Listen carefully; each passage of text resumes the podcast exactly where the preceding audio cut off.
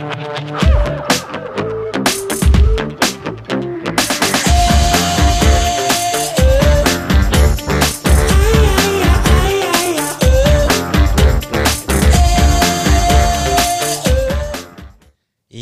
velkommen til Rett fram, en podkast fra Vestland Frp. I dag så har vi eh, fått med oss eh, Torkil Åmland, som eh, var vår eh, statssekretær i eh, mange år. Og eh, to år eh, justis. Og som også har skrevet en eh, veldig interessant bok, 'Israel og FN'. Hjertelig velkommen, Torkil. Takk for det. Kjekt å ha deg i studio. Og med oss på, på sånn videolink så har vi fått med oss lederen for organisasjonen Med Israel for fred. Hjertelig velkommen, Konrad Myrland. Hei, hei. Takk, takk skal du ha. Kjekt at du ville være med oss. Så bra. I dag så skal vi, som sikkert eh, dere skjønner, så skal vi gå litt igjennom eh, en, eh, en sak som ofte blir hett debattert i norsk politikk. Det er vårt forhold til Israel, og litt om Israel-Palestina-konflikten. Og litt på slutten av sendingen så skal også meg og Torkil snakke litt om ja, hva som egentlig ligger i det norske verdisynet og vår kulturarv. Så, men jeg tenker kanskje vi kan begynne egentlig med en litt sånn innledning. Det er ikke alle som er like godt kjent med Israel- og Palestina-konflikten og, eh, og den eh, saken og hvordan, hvordan det er. Og vi har jo en ekspert med oss eh, på videolink. Så Konrad, hvis du kan gi oss en liten innledning, du. Israel-Palestina-konflikten på to minutter? Nei. Um, det som Mye av debatten i Norge er jo flere år og kanskje noen tiår på etterskudd. Altså, Israel er kommet for å forbli i området. Senest i fjor så fikk de fire nye normaliseringsavtaler. Det pågår nå en enorm, eh, stadig tettere kontakt mellom Israel og eh, store arabiske land. Og eh, det, å, det, som, det som er ofte feilen i Norge, det er at vi ser dette bare som en konflikt mellom Israel og palestinerne, men den store aktøren, fiendeaktøren for Israel er jo Iran. Og uh, Iran har uh, offentlig mål om å utslette Israel. De har uh, klokke i Teheran som teller ned til Israels utslettelse, som visstnok skal være i, i 2040. Uh, og de sunni-arabiske statene ser det spillet som Iran fører, både i Libanon, Syria, Jemen og andre land, eh, og de er livredde. Og, søk, og Derfor så søker de uh, tettere forbindelser med Israel, også fordi at USA jo de siste mange årene har vært uh, på vei ut, og veldig klart nå illustrert med tilbaketrekningen fra Afghanistan, der man ser at uh, det vakuumet som USA etterlater seg, det, det, ikke, det, fører ikke til mer demokrati og rettsstater og pluralistiske samfunn som, som, fungerer i fred, men tvert imot så blir det overtatt av noen av de mørkeste kreftene som er. Og Det, og det, det er det også israelerne frykter uh, med sine nærmeste naboer, palestinerne, at hvis Israel blir tvungne til å trekke seg tilbake, slik som mange partier som nå går til valg i Norge, vil. Uh, Israel, skal tre Israel, skal trekke seg tilbake, og så skal man fremforhandle en avtale. Det, det, ble, det sies nå fra Arbeiderpartiet og, og, andre til venstre for dem. Og, og det, er jo, det er helt meningsløst. Og det vil, over, vil uh, gjøre Judea Samaria, eller Vestbredden om du vil, også åpen for uh, for at islamistiske krefter, militante krefter, overtar kontrollen der. Akkurat, som, akkurat det som skjedde på Gazastripen og uh, også i Sør-Libanon med Hizbollah. Så um, det er, er, så mye mer ved Israel-Palestina-konflikten som ikke kommer fram i Norge. Det blir bare hamra på hvor, hvor fæle Israel er, uten at, man, uten at israelske perspektiver kommer fram. Mm. Men uh, Torkil, dette her, um, dette her er jo noe som, uh, som vi har hatt uh, mye diskusjon om òg i Fremskrittspartiet. spesielt hvordan mediedekningen er av Israel-Palestina-konflikten. Jeg vet at du har gjort mye arbeid med å egentlig kunne løfte denne saken og få et bredere perspektiv på det. Nei, Jeg syns Konrad har veldig viktig poeng her, dette her med perspektivet. Eh, og Det er helt riktig det her at det er ikke, det er ikke bare mellom si, Israel og det palestinske siden, men det er et mye større bilde som Israel må forholde seg til. Og Israel har jo en sikkerhetssituasjon som er ganske spesiell. Eh, det er et lite land eh, med store fiender rundt seg. Og det har de hatt hele mm. veien. Eh, de hadde Egypt i sin tid, de har hatt Irak, de har hatt eh, Iran, som nå er den fremste. Eh, sånn at det å bare se på, eh, se på den palestinske konflikten det blir på en måte veldig snevert. Og det er jo en bevisst strategi også. Eh, gå tilbake til 70-tallet, eh, hvor man forsøkte å framstille Israel som et sånn apartheid-regime. Det er jo mange som gjør det fremdeles på venstresiden. Eh, en mm. slags rasistisk stat, som man jo også fikk vedtatt i FN. Det skrev jeg litt om i boka mi. Eh, og, eh, og, det bildet der har jo venstresiden på en måte mer eller mindre holdt seg til eh, den gang. Når vi f.eks. får dette med boikott inn i bildet også, det er veldig spesielt. Eh, hvis du ser på kartet fra Freedom House eh, over frie land i Midtøsten, så er det ett land som er farga med mm. blått. Mm. Mens alt annet rundt er betegnet for ufritt. Og det er det landet som en del i Norge tar til, tar til ord for å boikotte. Eller for å eh, De aller fleste partiene på venstresiden utenom Senterpartiet, men Arbeiderpartiet var med på det, sier at de vil til Palestina-komiteen at de vil oppfordre næringslivet til å ikke samarbeide med Israel. Det er veldig spesielt. Eh, og, eh, mens Iran, f.eks., sånn som Konrad eh, sier her, som jo har eh, uttalt at de skal utslette en annen stat som er medlem av FN, mm. der hører man ingenting om boikott. Så det er ganske snudd på hodet, mye av, av, av, det som vi får. Ja, det der, altså, jeg må jo si det. Altså, til og med når det kommer ut i lokalpolitikken, så ser du jo at partiene ytterst og venstre faktisk fremmer disse her forslagene om eh, boikott. Altså, det ene tingen som vi reagerer på der, er jo plutselig når Bergen kommune skal ha en egen utenrikspolitikk.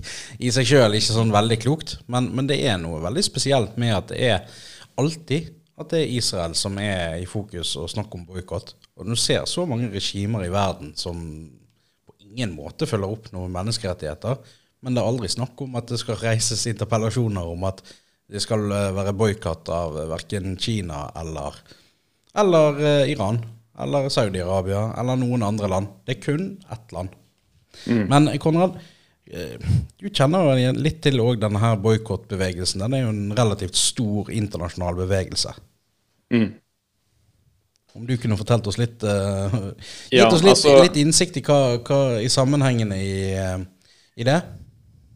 Boikott mot jødene i, eh, i landområdet Israel er ikke noe nytt. Allerede fra 1920-tallet så begynte de lokale araberne å boikotte jødene, ville ikke handle mot de, akkurat som man på 1920- og 30-tallet så boikott mot jøder i, i, eh, i Sentral-Europa fra nazistiske bevegelser. Uh, og fra Israel da ble erklært uavhengig i 1948, så den, hadde Den arabiske liga som, som prinsipp å, å boikotte. Og de også eh, krevde av vestlige selskaper som de skulle samarbeide med, at de samme selskapene ikke skulle samarbeide med Israel.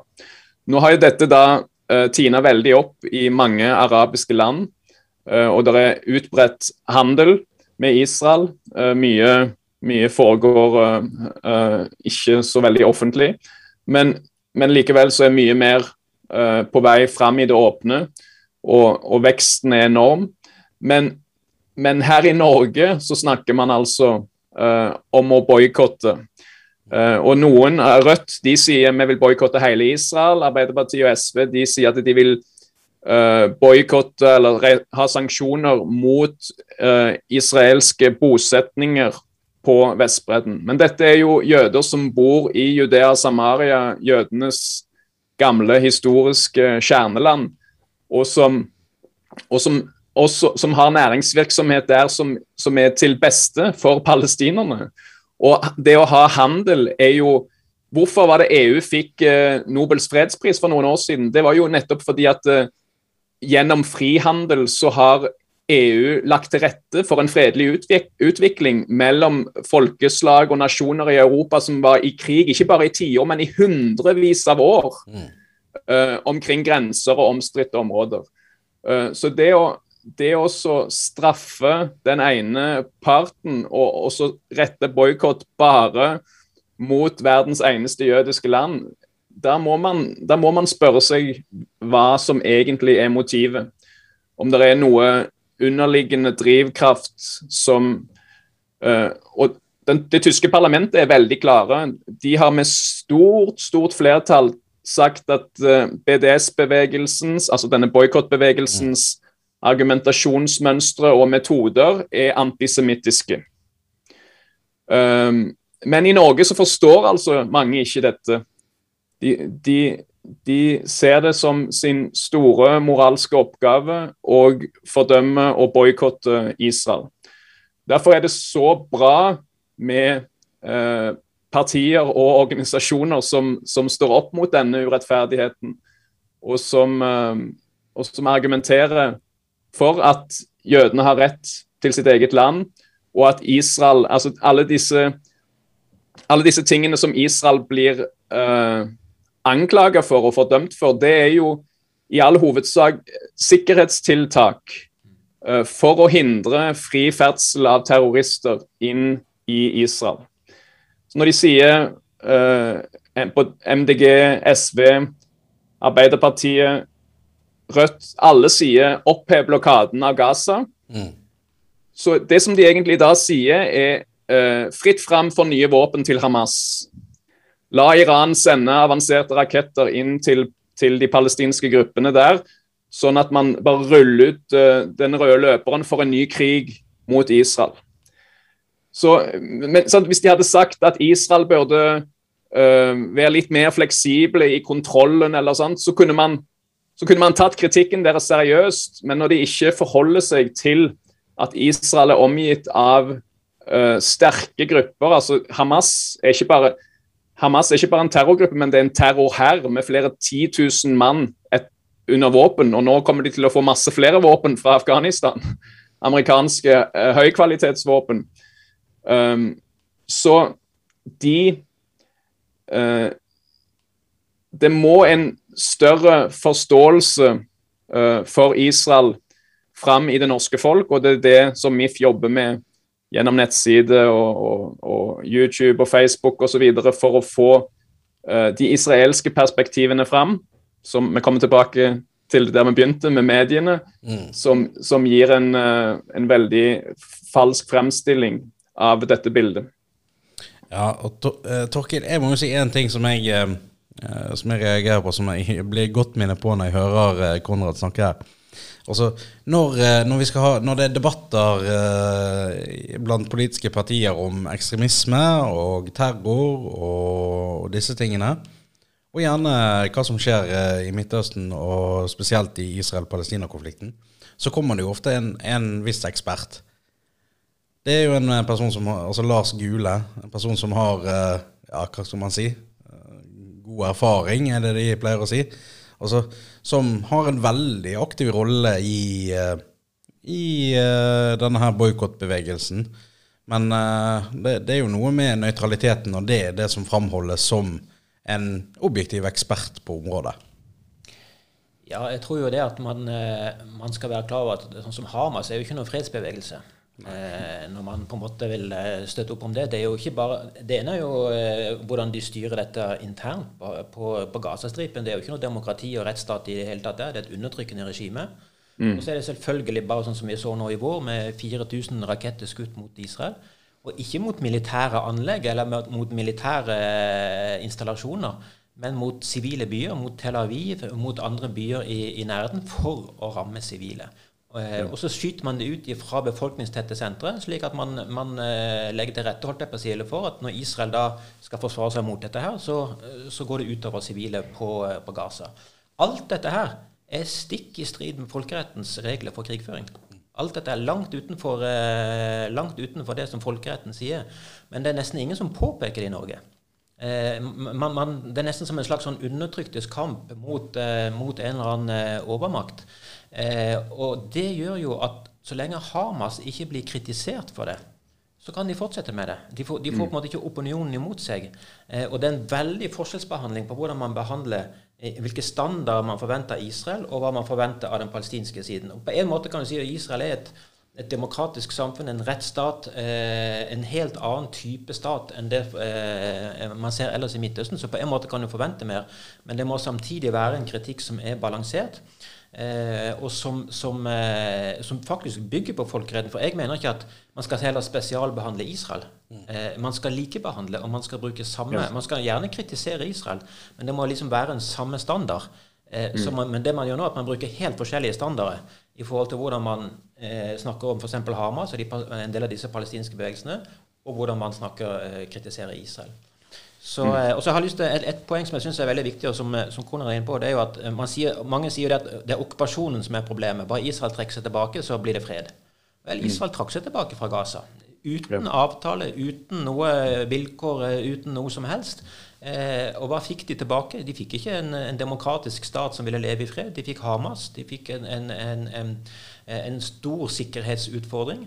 Eh, og det er jo klart, sånn som Kona var litt inne på i begynnelsen her også, at hvis dette skulle skje på Vestbredden, så vil det være mye mer dramatisk for Israel. For det er liksom mye mer inn i Israel enn det, enn det Gaza er. Og da vil du få en veldig krevende sikkerhetssituasjon. Og én ting er jo Hamas og disse islamistiske gruppene, men så har du det som Konrad sier, som, som ligger i bakkant av dette, nemlig Iran. Eh, som da vil få en, en, åpning inn i hjertet på Israel og helt inn mot Jerusalem. Og det vil være en veldig kritisk situasjon for Israel. Og en ting som, eh, og det, det nevnte du eh, litt her i sted, Konrad det, altså, alle ønsker jo at vi kunne komme til en løsning på denne, denne ja, konflikten som har vart lenger enn jeg har levd, i hvert fall. Mm. Eh, og det er jo også, jeg, jeg, vil gjerne høre litt mer om, om, de framskrittene som er gjort eh, fra Israels side med å skape diplomatiske relasjoner i, med andre land i Midtøsten. Ja. Eh, i, altså Israel har egentlig helt fra 1948 rakt ut sine hender i fred til sine arabiske naboer, slik som det uttrykkes da i uavhengighetserklæringen. Uh, men de har jo blitt møtt med avvisning. Men uh, egentlig helt fra, fra 1990-tallet så har det jo uh, kommet en, en oppmykning. Og mange av de arabiske landene forstår jo at de trenger israelsk teknologi.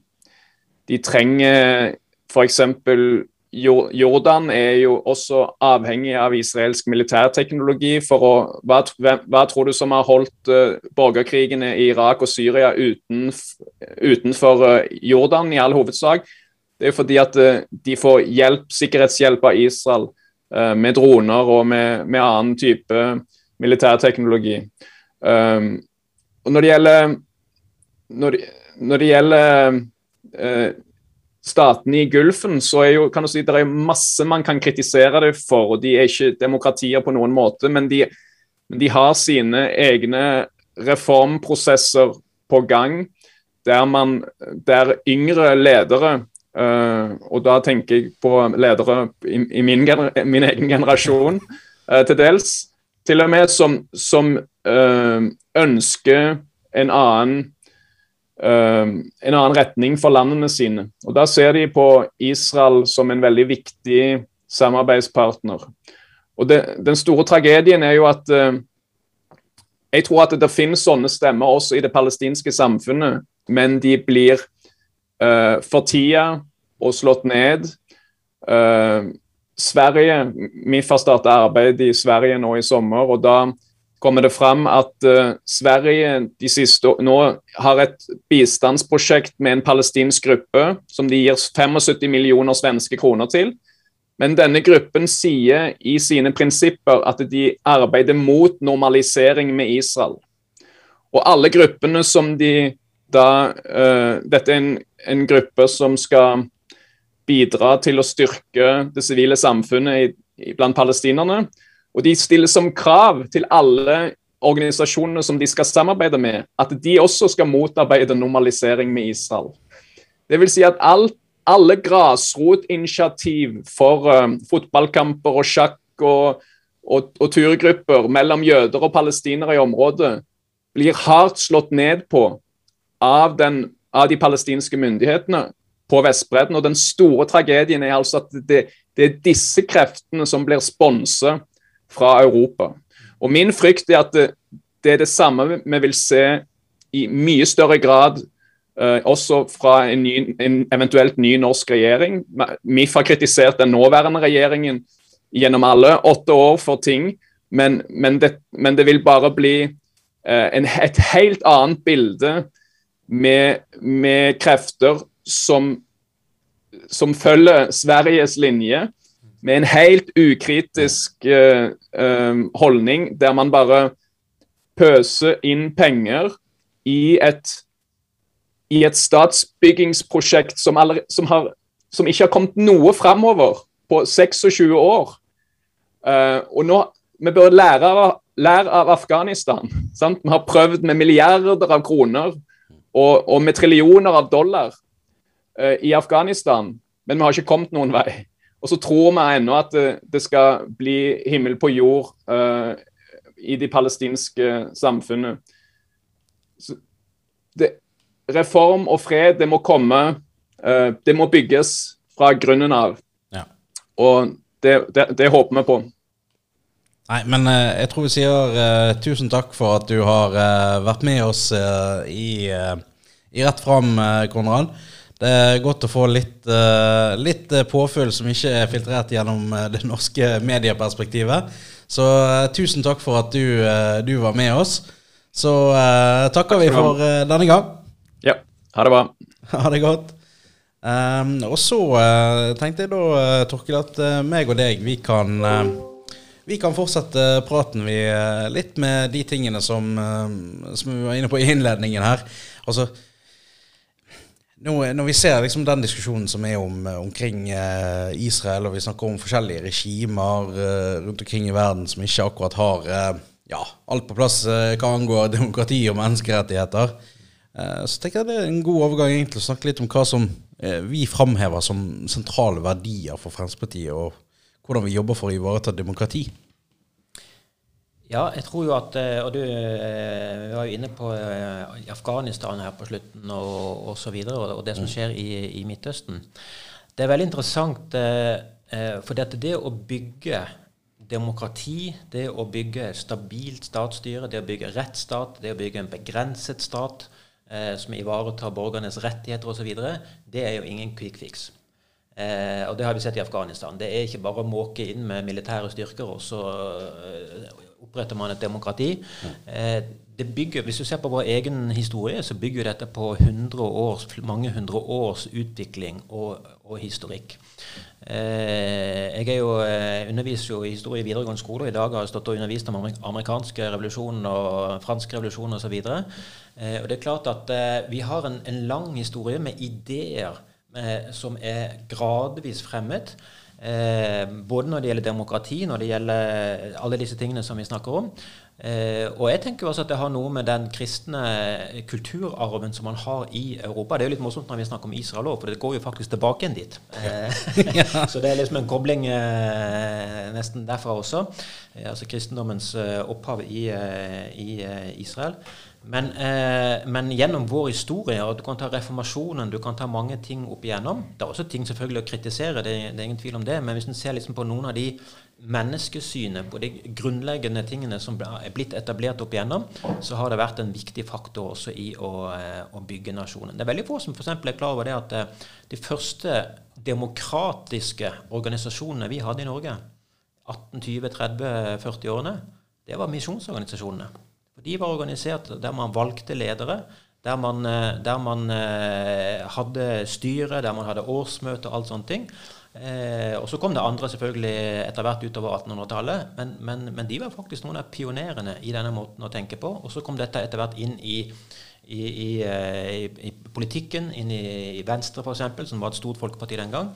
Eh, og som var på en måte en slags sånn oppdragelse for folket i demokratisk virke. Ja, for jeg tror også det um, Når, eh, når vi har sånne her eh, partilederutspørringer, og det er ting som kommer opp, så, så, jo, så skal jo alle vite hva som er grunnsynet vårt. Eh, og det er det jo mange som eh, stiller spørsmål ved vi har. Eh, vi er jo et liberalistisk parti som bygger òg på de humanistiske og kristne kulturverdiene. Sant? Og det, det, er mange som lurer på altså, hva, som, hva vi egentlig legger i det begrepet. For det, vi er jo et parti som mener at uh, alle skal respekteres uavhengig av religion, og at uh, vi skal ha et kraftig skille mellom, uh, mellom stat og kirke og, og, de tingene. Og så spør de også ja, hva, hva, er det som egentlig ligger i det med den kristne kulturarven. Og Det, det syns jeg, synes jeg var godt at vi kunne få litt, litt klarhet i, og da er det jo det er da det er greit å ha en lektor i, studio, Torkil. Og jeg syns du, jeg synes du liksom trekker de, de, de lange linjene på en veldig fin måte. Uh, men eh, jeg må jo spørre deg, du som når du jobber i skolen med, med mye norsk ungdom altså, Det er noen som er bekymret for uh, forståelsen av hvor viktig det er å beholde demokrati og verdiene i demokrati. Hvordan, hvordan opplever du det som jobber uh, tett på norsk ungdom? Nei, altså, Mange ungdom er, har et, et flott eh, politisk eh, engasjement, men jeg tror det som er veldig viktig, det er å være bevisst på at frihet og demokrati innebærer også forpliktelser og ansvar. Eh, det, er, det at vi har et demokrati, er et enormt privilegium. Det at vi om en god uke skal gå og stemme, er det egentlig en høytidsdag. Eh, det at vi kan gå og velge våre ledere, uansett hva man stemmer på, men, eh, men altså det at vi har den muligheten. og vi er så vant til det, vi, vi, vi har hatt dette hele tiden, at vi, vi, tenker nesten ikke over det. Og jeg tror at For ungdom det var litt skremmende jeg var vel i Aftenposten jeg leste undersøkelser hvor mange da er villige til å nesten innføre, altså avskaffe eller noe av demokratiet for å oppnå mm. andre mål. Det, og det kan være f.eks. klima. det kan man, man liksom opplever at nå er det sånn katastrofe og krise og alt sånt. At nå må vi nå er ikke demokratiet så viktig, nå er det viktig å få gjort jeg, de rette tingene. Da er vi kraftig ute å kjøre. Eh, for da gjør vi vold på en del av den friheten som vi setter så høyt. Ja, og det er en av de tingene som, eh, som ofte kommer litt i, eh, ja, i krysslinjene her. Eh, det er jo når, når, vi ser det at det er noen som opplever seg krenket, så blir det fort en diskusjon om hva skal være ytringsrommet. Mm. Altså, vi har jo stått knallhardt på linjen om at ytringsfrihet er en, en av de grunnpilarene i et fritt, åpent demokrati. Mm. Men uh, når du hører sånne begreper som at ja, men vi skal ha ytringsansvar, vi skal ha vi, vi må tenke på, uh, på, hvem som opplever seg krenket, og, og den typen ting.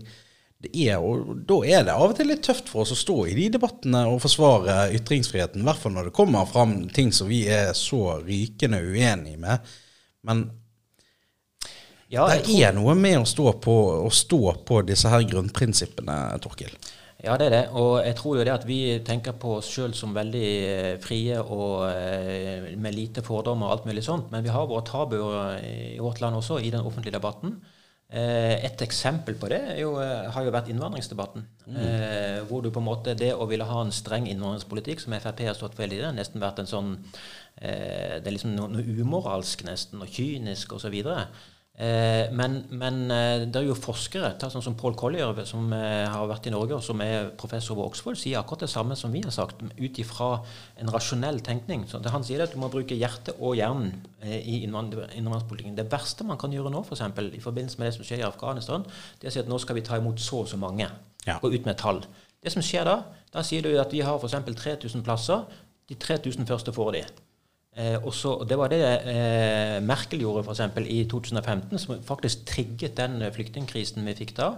Eh, Spania har gjort det senere, andre land har gjort det. Det som skjer, er at du trigger en flyktningstrøm. Eh, og, og, eh, det er jo helt klart at vi kan ikke hjelpe alle. Den beste hjelpen vi kan gi, som Frp har sagt hele tiden, det er i nærområdene. Det som, er, det, men det som er litt poeng når vi snakker om dette med eh, krenkelser og, og, og, den offentlige debatten I Sverige er det jo enda verre. Altså Der er du på en måte rasist hvis du vil ha en, eh, en streng innvandringspolitikk. Eh, men det er faktisk slik at det å stille krav, det å sette grenser, det er å ta ansvar, og det er faktisk det beste for alle parter. Eh, det kaoset som vi så i 2015, det er ikke noe si, ideal å, å, strekke seg etter. Det er en uansvarlighet hvis man åpner opp for den type ting bevisst. Eh, og Der er det viktig at eh, de som leder landet, faktisk er bevisst på hvilket ansvar de har eh, i forhold til det landet de skal lede. Ja. Nei, men jeg tror det, Torkil, da, jeg syns det har vært en, en, god runde. Vi har fått snakket om noe som ikke liksom er sånn typisk valgkampstoff. Og det, det, er litt kjekt. Jeg er jo stortingskandidat nå, og du har vært med på dette gamet før. Da løper vi rundt i debatter om alt mulig. Men, eh, men dette temaet, å kunne få belyst litt eh, grunnverdiene, det har jeg satt veldig pris på. Så var det veldig kjekt at Konrad ville være med oss en stund og gi oss et litt, eh, litt annet perspektiv på, på en debatt som, vi, som er oppe i den norske pressen ofte. Så men jeg takker veldig for at du var med oss i studio, Torkil. Takk for at du fikk komme. Ja, det var veldig kjekt. Og tusen takk til dere som har lyttet på podkast-plattformen eller sett oss på, på Facebooken eller på YouTube. Dette her har vært uh, Rett fram, en podkast fra Vestland Frp.